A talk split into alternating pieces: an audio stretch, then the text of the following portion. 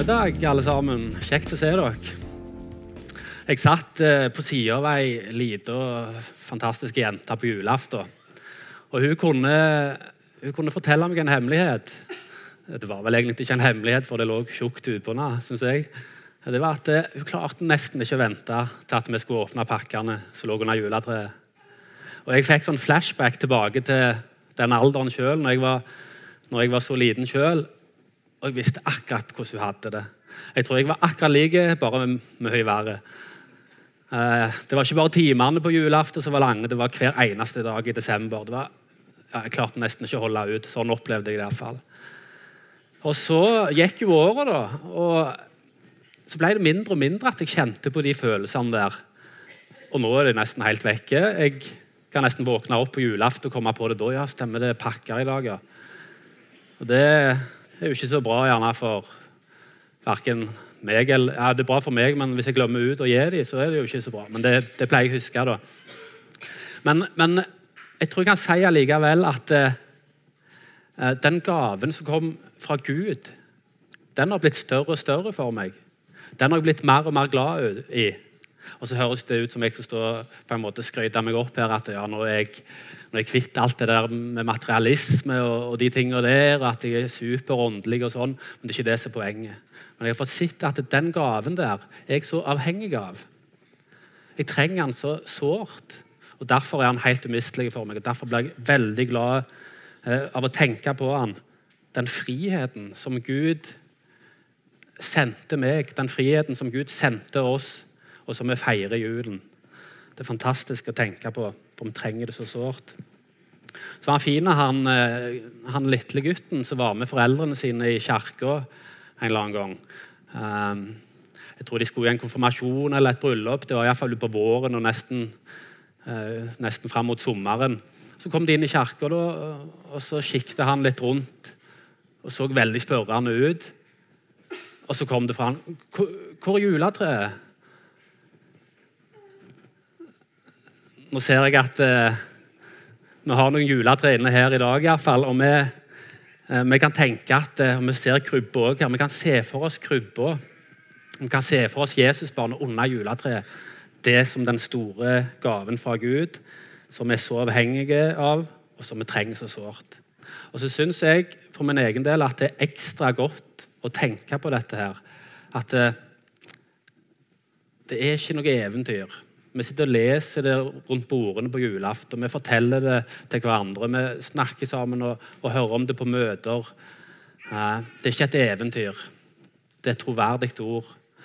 Det er ikke noe som bare vekker når, når julefeiringa er over, men det er noe vi kan ta med oss inn i det nye året. Og Det er ekstra godt å tenke på nå, når et år går mot slutten, og et nytt år ligger og venter foran oss. Et år som kanskje ikke ble akkurat sånn som vi hadde håpet og tenkt. Og et år som ligger foran oss som vi ikke vet så mye om ennå. Da er det utrolig godt å vite at eh, Gud er med oss. Immanuel, Gud er med oss. Og han har sendt oss frihet og kjærlighet. Så Jeg har ikke lyst å gi helt slipp på dette her julebudskapet ennå. Vi skal stoppe litt opp for det i dag òg. Og vi skal prøve å dra det med oss inn i det nye året. Eh, og så er vi vant med å lese juleevangeliet fra Lukas 2. I dag har jeg lyst til å lese det som jeg liker å tenke på som juleevangeliet i Galaterbrevet. For vi finner det mange plasser i Bibelen, og vi finner det òg i Galaterbrevet. Da står det sånn i kapittel 4, fra vers 4. Men da tidens fylde kom, utsendte Gud sin sønn født av en kvinne, født under loven, for at han skulle kjøpe dem fri som var under loven, så vi skulle få barnekår. Noen ganger så sier vi at, at eh, det bare skjedde. Altså, vi spør gjerne noen hvorfor gjorde du det. Nei, det bare skjedde, er gjerne svaret. Det kan ikke vi si om det som skjedde her i julen, når Gud kom ned til oss. Men da tidens fylde kom, står det, men da tidens fylde kom, utsendte Gud sin sønn. Mange har eh, lurt litt på hva som ligger i det uttrykket. og Noen har tenkt at det kan ha noe å gjøre med det der at eh, når Jesus ble født, så skjedde det i en periode der veinettet i Romerriket var bygd veldig veldig godt ut. Romerriket strakte seg ut over hele Middelhavet òg, der Jesus ble født. Eh, veinettet var bygd enormt godt ut. Mange kunne forstå hverandre på ett språk, gresk. Alt dette og gjerne andre ting også, gjorde at nå lå det til rette for at Jesus kunne bli født, og budskapet kunne komme raskt ut til mange folk. Det vi iallfall vet, det er at eh, Gud han hadde en plan, og vi sang det også nå i sangen. Gud han hadde en plan, og det var han sjøl som iverksatte denne planen. Det var liksom ikke jeg som sendte et julekort opp til Gud, og så følte han at han måtte sende julekort tilbake til meg neste år. Det var han som starta. Han iverksatte planen. Det var han som bestemte det, uten at jeg hadde gjort noe for det. Det synes jeg er fantastisk å tenke på. Og det skjedde i tidens fylde. Og hensikten, ja, det leste vi, det var at han skulle kjøpe oss fri. Han skulle kjøpe oss fri. Kanskje er det et mørke i blikket ditt. Um, det høres gjerne rart ut når jeg sier det sånn, du forstår gjerne mer etter hvert. Kanskje er det et mørke i blikket ditt. Kanskje kjenner du på det akkurat her du sitter nå. Um, det kan ha vært der i lang tid. Det er ikke sikkert at de rundt deg ser det, men du sjøl vet at det er sånn. Eller så kan det være at de rundt deg ser det ganske godt. Uh, vi er så forskjellige sånn. Noen viser de tingene veldig godt på. For andre er det nesten umulig å se det. Men jeg har lyst til at vi nå i dag skal stoppe opp for noen blikk. Uh, og jeg har lyst til at vi skal stoppe opp for tre blikk. Jeg tror jeg gjerne det blir mye matte her i dag, men jeg tror jeg har rent rett hvis jeg sier tre blikk. Det kommer litt an på hvordan vi, hvordan vi regner.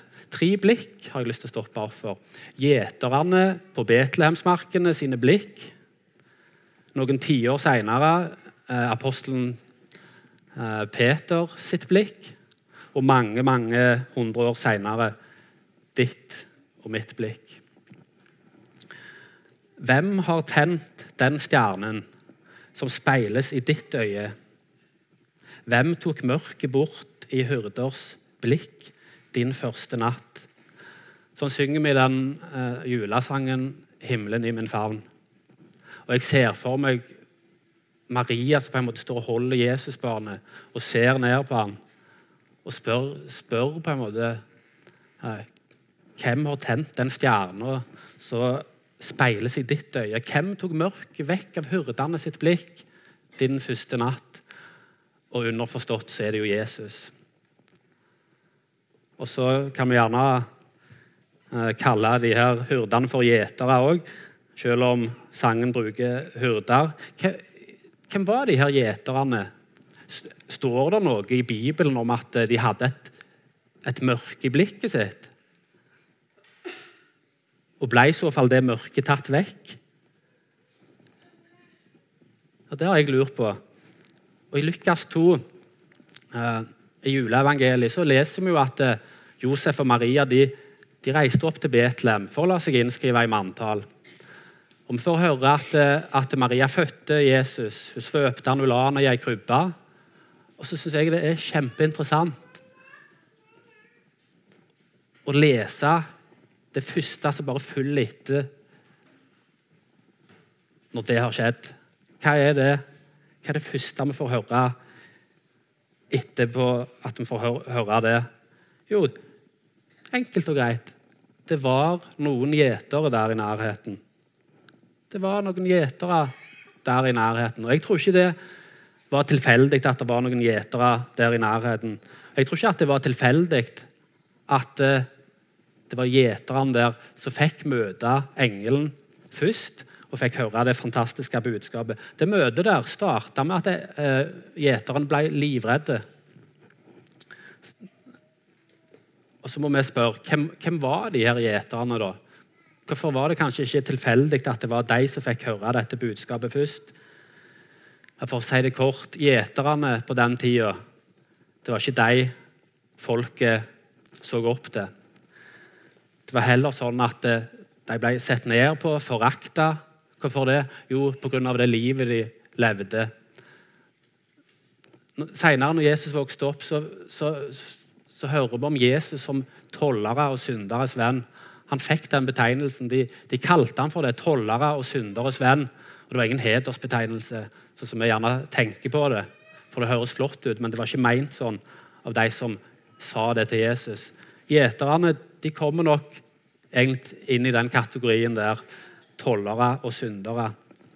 Gjeterne de, de, kunne gjerne ha med seg flokken sin. Og når, når ingen så dem, så kunne de slippe dem inn på beite til noen andre. Og på den måten så stjal de av andre.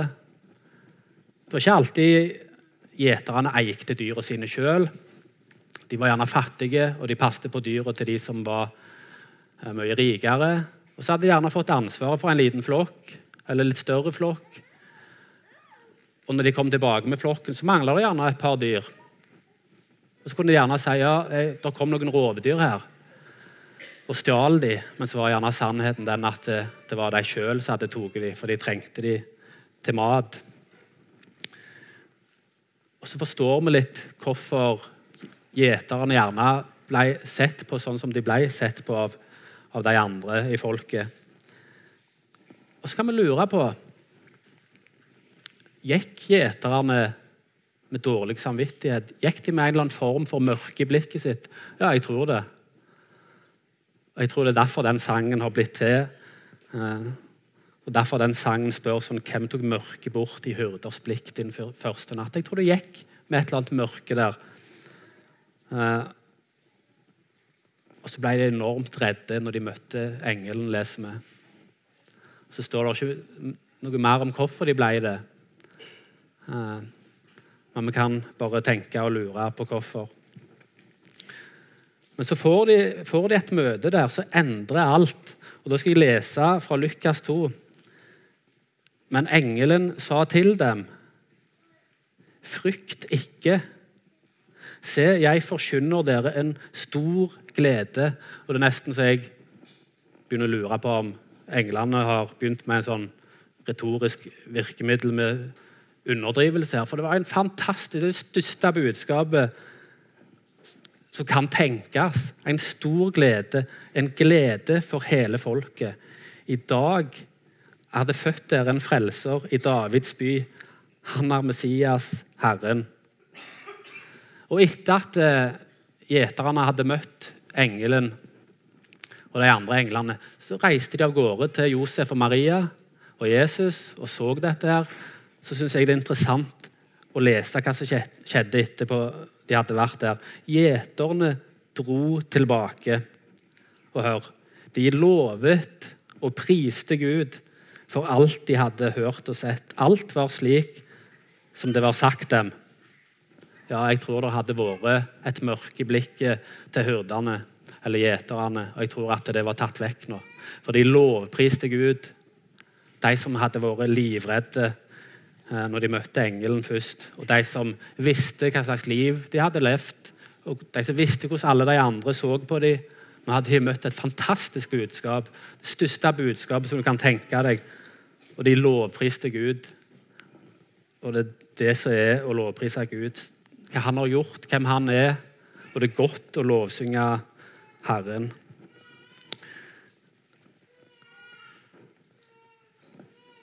Et blikk som er enda mer direkte omtalt i Bibelen, det er Peter sitt blikk etter at han hadde gått på kanskje en av de største smellene vi kan tenke oss i Bibelen, hvis vi kan si det på den måten.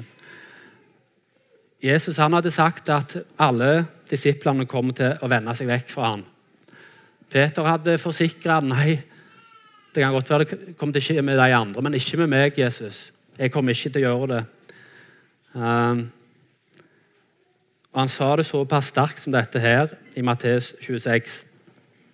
Om jeg så må dø med deg, vil jeg ikke fornekte deg. Om jeg så må dø med deg, Jesus, så skal ikke jeg fornekte deg. Og kanskje kjenner vi oss igjen i det der.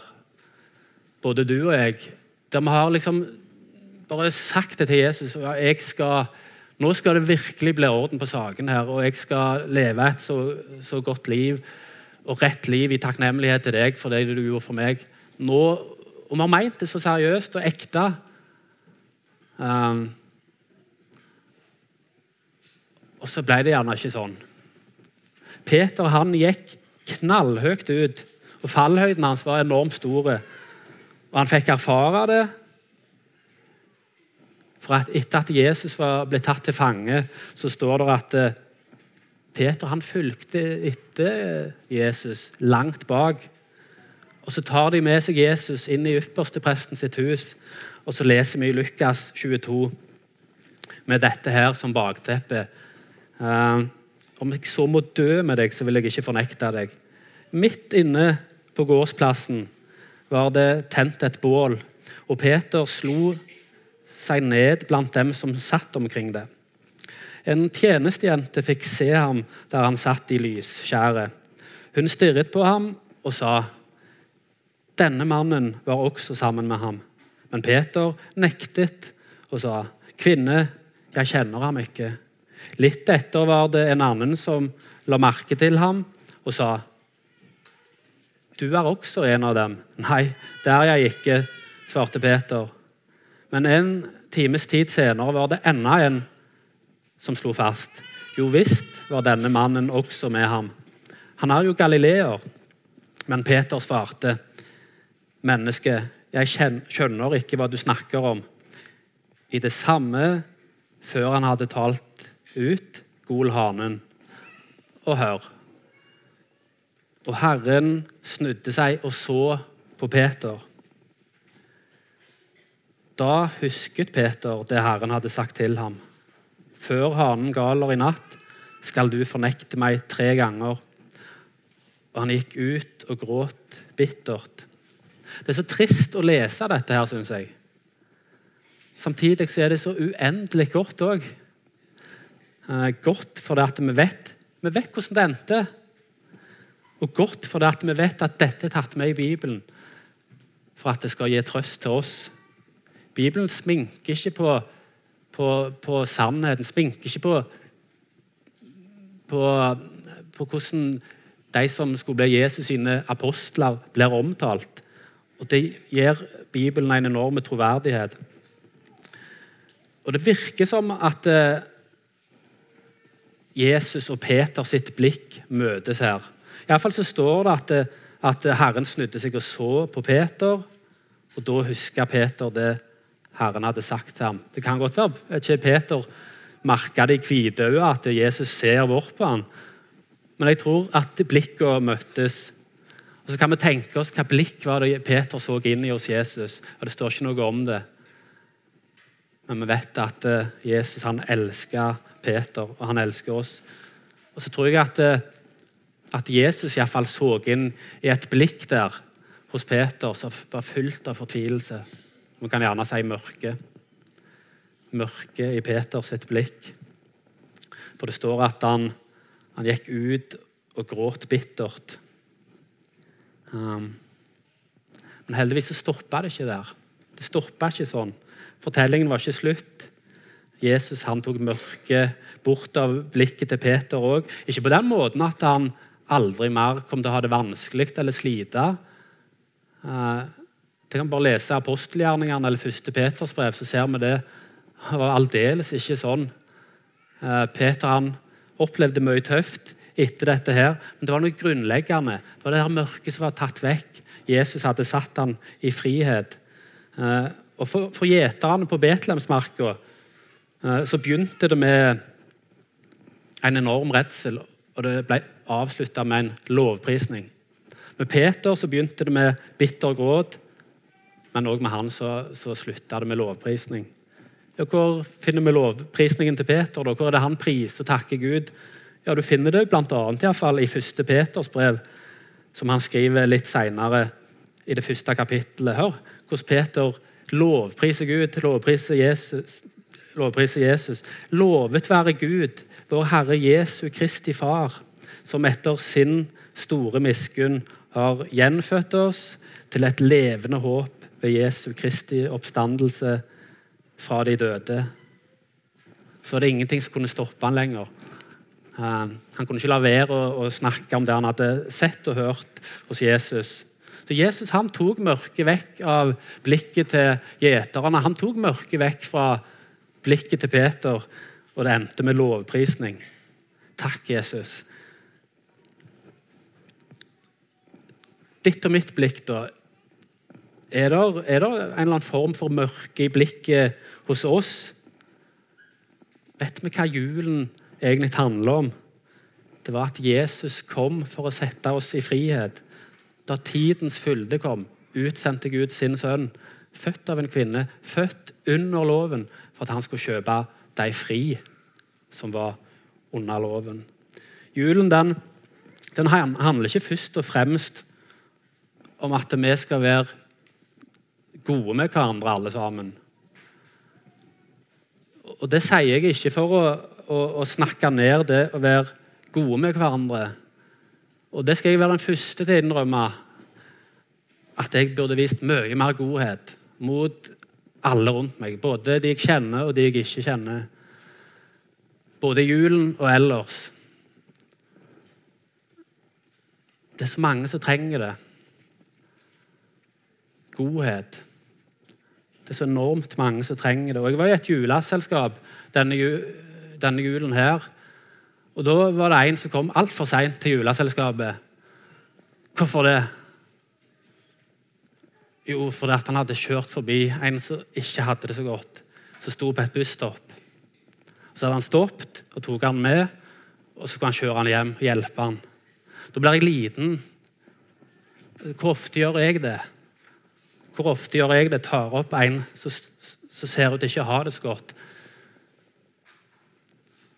Og du spør gjerne deg sjøl hvor ofte gjør du det. Det er så mange som trenger det. Um, kanskje vi skal tenke mer på det enn å komme først fram til juleselskapene så vi får kloa i de beste julekakene. holdt jeg på å si.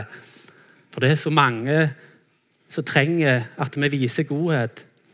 Og det er så mange måter og mange situasjoner vi kan gjøre det i. Men bare ikke gjør sånn som svigermor mi gjorde. Jeg tror det var oppe på Spar her, Hun gikk bort til en mann som tigga og så putta penger oppi kroppen hans. Problemet var bare at uh, han var ingen tigger. Han var bare en vanlig mann som sto og drakk kaffe der.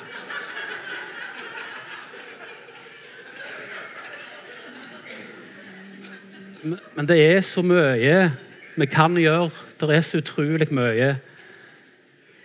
Det er så mange som trenger bare lite grann.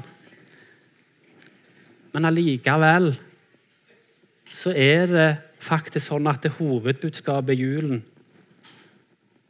det er at Jesus kom for å være god med meg, for å være god med deg. Han kom for å kjøpe oss fri, både meg og deg. Både tiggere, både ja, politikere Både de politikerne vi liker godt, de vi ikke liker fullt så godt.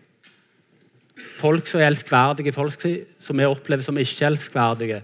Alle kom Jesus for å være gode mot, for å kjøpe fri. Og det merkelige Det merkelige er, syns jeg, at vi føler mange ganger det budskapet der som litt nedverdigende. Trenger jeg hjelp? Står det så galt til med meg at jeg at jeg trenger hjelp. Trenger jeg en som kommer og frelser meg fra mine synder? Det er et eller annet som stritter imot der. Så jeg bare har lyst til å minne meg sjøl og dere òg om hvorfor Jesus fikk navnet sitt. Engelen sa jo det til Josef. Du skal kalle han Jesus, for han skal frelse sitt folk for deres synder. Derfor Jesus fikk det navnet. Det er det som ligger i navnet. Det er et herlig navn Jesus har. Han skulle frelse sitt folk fra deres synder, og det er derfor han kom ned til oss. Men så blir det på en måte lettere å, å, å, snu tanken litt rundt og, tenke og gå med på det at julen handler jo om at vi alle skal være greie og gode med hverandre og vise mye kjærlighet. Og sånn.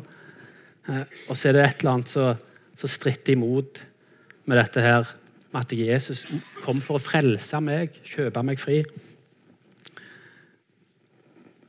Og på den andre sida så tror jeg det mange ganger er sånn at eh, når jeg først har oppdaga at jeg allikevel trenger dette budskapet her, som Bibelen gir meg om Jesus som kom eh, for å redde meg, for å frelse meg, sette meg i frihet. Når jeg kjenner at, at det er en liten gjeter i meg òg der, som gjerne løy og stjal eller gjorde andre ting. Kjenner at det er en liten Peter i meg òg som gikk kjempehøyt ut og gikk på en kjempesmell etterpå. Ja, da er det ikke alltid like lett å tro dette her med den friheten få tak på det og slå seg til ro med at jeg er fri. Da ser jeg at jeg strekker liksom ikke til. Jeg kjenner meg dømt gjerne under loven. Under alle budene som sier at du skal gjøre det, dette her, og du skal holde deg vekke fra det. Du skal elske nesten din. Du skal ikke lyge, du skal ikke stjele, osv. Og Da har jeg bare lyst til å lese dette fantastiske juleevangeliet fra Galaterbrevet en gang til. Men da tidens fylde kom, utsendte Gud sin sønn, født av en kvinne, født under loven, for at han skulle kjøpe dem fri, som var under loven, så vi skulle få barnekår. Hører vi Jesus til, som er fri fra loven. Han kan ikke dømme oss. Han kan ikke dømme oss. En annen plass i Galaterbrevet så står det sånn som dette her, det er kapittel 3. Kristus kjøpte oss fri fra lovens forbannelse ved at han ble en forbannelse for oss. For det står skrevet 'Forbannet er hver den som henger på et tre'. Du kan si at julen, ju, ju, Det som skjedde i julen, det var at det starta dette her som Gud hadde planlagt for å sette oss i frihet. Og så er det en som, som har dikta det sånn og skrevet at det fra krybben til korset gikk veien for deg. Slik åpnet du porten til himmelen for meg. Jesus han kjøpte oss fri fra lovens forbannelse ved at han ble en, ble en forbannelse for oss. Og han gir oss frihet. Det er ingen fordømmelse for den som er i Kristus Jesus, står det i Romerbrevet. Hvorfor skal da du, hvorfor skal jeg gå og kjenne på dårlig samvittighet? For at vi føler at vi ikke får det til. Samvittigheten din, samvittigheten min, den skal få være helt fri. Det er ikke alltid så lett å få tak på det der når vi trenger det, men det er det som er budskapet til oss. Samvittigheten vår skal få være helt fri, for at Jesus han ble en forbannelse for oss, og han kjøpte oss fri. Jeg tror ikke at eh, du er noe spesielt verre enn gjeterne. Jeg tror ikke at du er noe spesielt verre enn Peter. Jeg tror ikke du er noe spesielt bedre heller. Jeg tror ikke jeg heller er det. Men de møtte et herlig budskap, og vi er i samme båt, alle. Det budskapet gjelder fortsatt i dag. Det er ikke bare noe sånn god stemning og, og pynt og greier. Men dette her er helt reelt, dette julebudskapet. Og vi kan gå inn i et nytt år med den vissheten at vi eier en fullkommen frihet. Selv om det gamle året var fullt av nederlag. Selv om vi kjenner på all slags, så kan vi gå inn i et nytt år og vite at Jesus han har gitt oss en fullkommen frihet. Så når alle pepperkakene spiste opp, alle julestjernene er pakket ned og lagt i en boks på loftet, så skal vi få lov til å og gjør det som står i Jakob 1, 25. Det er et fantastisk uttrykk der som jeg har blitt så glad i. Vi skal få lov til å skue inn i frihetens fullkomne lov og fortsette med det. Det er sånn det står der. Vi har så lett for å tenke at når vi har hørt dette og kan dette, så viser det seg for så mange at det er ikke så lett alltid å få tak på det og hvile i det. Vi skal få skue inn i frihetens fullkomne lov og fortsette med det. Og når det nye året kommer. Ehm, og hverdagen er der i januar. Og Jeg har lyst til å avslutte med å lese et, bare ett uh, vers fra en av de julesangene som jeg syns er desidert best. Vi har sikkert ulike smak på det, men jeg syns dette her er et fantastisk vers Så summerer opp dette her som skjedde i julen. Uh, og det sier det på en utrolig god måte. Hellige natt, du nådestund for verden, da gudemennesket til jorden steg ned. For å forsone alle våre synder og lide dødens smerte i vårt sted. Se håpet stråler over hele verden. Og lyset skinner over dal og fjell. Menneske, våkn opp og fry deg ved din frihet. Og hellige natt som kom med nåde til vår sjel, og hellige natt som kom med frihet til vår sjel.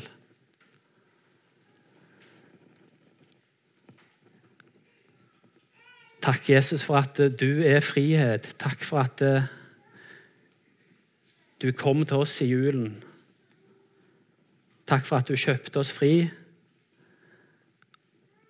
Og Jeg ber om at vi kan få gå det nye året i møte med det, at vi eier en fullkommen frihet i deg, Jesus. Takk for at du elsker oss så høyt. Eh, og takk for at det var ikke bare for oss, men det var for hele verden, Jesus. Jeg ber om at eh, du må være med oss videre framover i det nye året. Og jeg ber om at vi ikke bare må være oss sjøl nok Eh, å, å, ha denne her friheten for oss sjøl, men jeg ber Jesus om at vi må eh, få være med og dele den videre med andre. I tillegg til å være gode med andre Jesus eh, på det mer medmenneskelige planet. Amen.